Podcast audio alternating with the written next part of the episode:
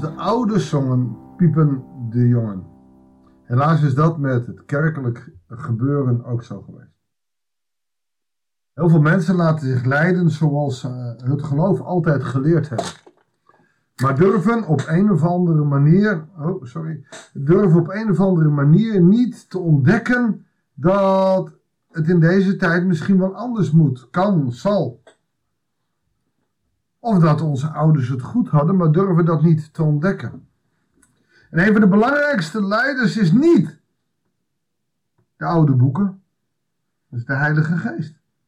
Wat vertelt de Geest jou? En ik weet, daar zit iets gevaarlijks aan. Want dat is iets subjectiefs. Ja, maar ja, de ene zegt dat de geest dit, de ander zegt de geest dat. En daar moet je natuurlijk mee uitkijken. Want wat is van de geest en wat is van de mens? Ik heb daar wel eens een lezing over mogen houden. Over ehm, dat, dat de, de, roeping, of dat wat van de geest is, maar ook de wens is de vader van de gedachte. Als je iets heel graag wil, kun je ook zeggen dat is van de geest. Daar moet je dan wel weer heel voorzichtig mee zijn. En dus zeggen mensen, is het makkelijker als je alles vasttimmert in Berlijnersgeschriften en uh, in, in, in dogma's. Weet je, ik denk dat wij ons moeten laten leiden door de geest. Maar dat valt niet altijd mee. En daar gaat het wel in deze, tijd, uh, in deze tekst om die we vandaag gaan lezen. Goeiedag, hartelijk welkom bij een nieuwe uitzending van het Bijbels Dagboek. We lezen 1 Corinthians 2, vers 10 tot en met 16. En dan lezen we, God heeft ons dit geopenbaard door de geest. Dus dat, dat is uh, reactie op wat gisteren gezegd heeft. Misschien goed om vers 9 even uh, te lezen. Wat het oog niet heeft gezien en het oor niet heeft gehoord. Wat in geen menshart is opgekomen. Dat heeft God bestemd voor wie hem lief heeft. Het gaat niet om wijsheid, het gaat niet om kennis, maar het gaat om geloof. En dat is ons geopenbaard door de geest. Want de geest doorgrondt alles, ook de diepte van God. Wanneer je dus vol bent van de geest en leeft vanuit de geest, is dat niet alleen dat de geest door jou spreekt, maar dat je daardoor ook God leert kennen. De diepte van God leert kennen. Daarom is het zo belangrijk dat je je laat leiden door de Heilige Geest. Wie is in staat de mens te kennen behalve de geest van de mens? Zo is alleen de geest van God in staat om God te kennen. Dus door de geest te leven, door met die geest te leven, zouden we God beter kunnen leren kennen. Ik heb een gereformeerd collega gehad, ik kom prima met hem. Maar die was zo gereformeerd dat hij zei, met alfa, die drie alfa-praatjes, dat is een overkill van de Heilige Geest. Wij hebben ons verstand gekregen en we moeten ons verstand gebruiken om de boodschap te verkondigen. Ja. Ik denk dat we in de uh, traditie of in de kerkelijke traditie misschien wel iets te weinig van de geest hebben gebruikt. En het is altijd weer een zoektocht. Maar het is de geest van God die ons in staat brengt om God beter te leren kennen. Niet de schriften, niet de wijsheid, niet de kennis, maar de geest van God.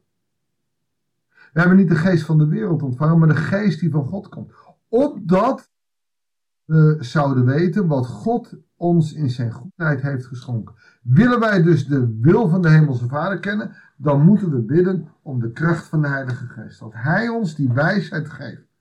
Ik denk dat wij in ons geloofsleven misschien nog wel, ik spreek niet voor iedereen, te weinig bidden om vervuld te worden met de Heilige Geest.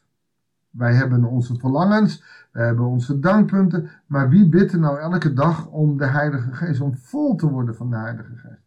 Want alleen daar, als je daar vol van bent, dan zul je God kennen, dan zul je Gods wil leren kennen. En als je Gods wil kent, dan wordt je geloof enorm gesterkt.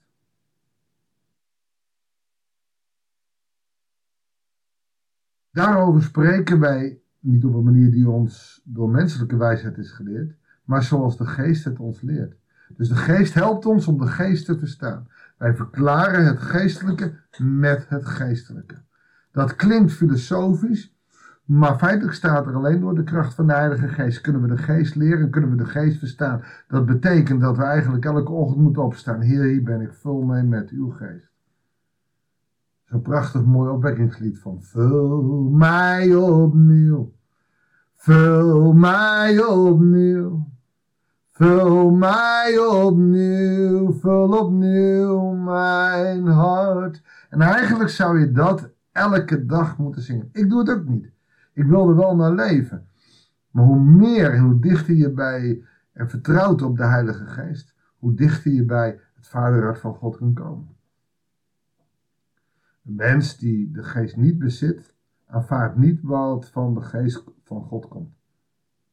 Want voor hem is het dwaasheid. Dat zijn de niet-gelovigen. Maar ook de twijfelaars, de vrijzinnigen. De, het kan zijn, hij kan het ook niet begrijpen. Omdat het geestelijk moet worden beoordeeld. Geloven kan je dus niet met een wijsheid en kennis. Maar alleen door de geest van God snappen. Maar een mens die de geest wel bezit. Na Pinksteren naar het bidden ochtends, in vol met uw geest, die daarna wil leven, kan alles beoordelen. En zelfs wordt hij door niemand beoordeeld. Er staat immers geschreven. Wie kent de gedachten van de Heer? Zodat hij hem zou kunnen onderwijzen. Wel nu, onze gedachten zijn die van Christus. Ja, hier gaat hij opeens weer naar Christus, naar de liefde. Door de geest kunnen wij God leren kennen. Wie is God? God is Christus. Christus die op aarde leeft, daar moeten we naar lezen. En dat gaan we de komende dagen ook doen. We gaan uit Matthäus 5 lezen. En ja, mensen die mij een beetje kennen, weten dat ik daar mateloos enthousiast van word. Ik vind die Matthäus 5 tot en met 7, de bergreden, ongelooflijk spannend, boeiend en geweldig.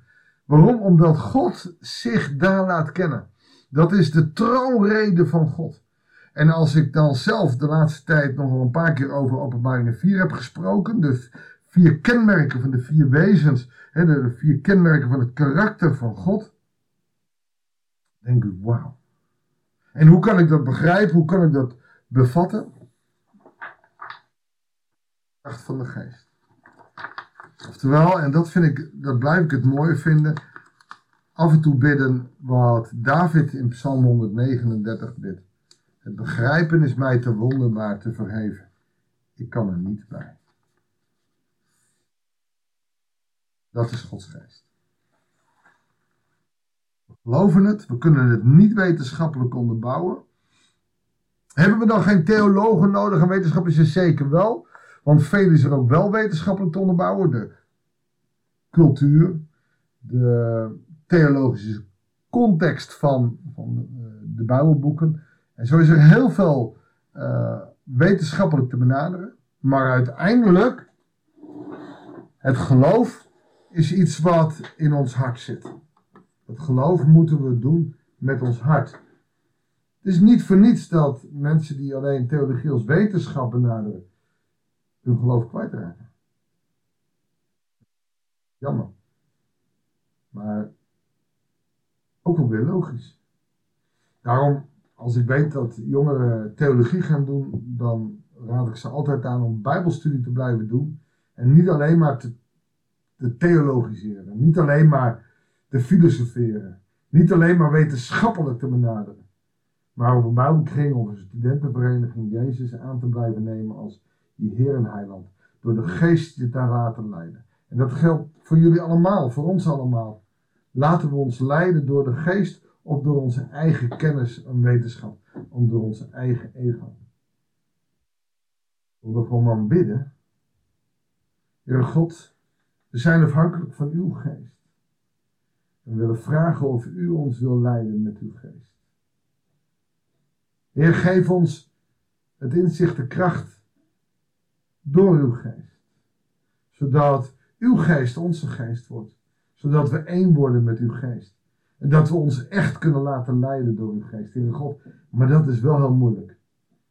Wilt u ons daarbij helpen? En zo vragen we om de geest, om onze geest op uw geest te laten. Heer God, het is raar, maar zo werkt het. Vul ons met uw geest elke keer weer. Kom, Heilige Geest. Geef ons kracht en inzicht en wijsheid. Dat bidden we u in de naam van de almachtige Jezus Christus. Die door de geest ons al die dingen kon vertellen. Dank u wel voor wie u bent. We loven en prijzen uw grote naam. Amen. Dank u wel voor het luisteren. Ik wens je God zegen en heel graag tot de volgende uitzending van het Bijbelsdagboek.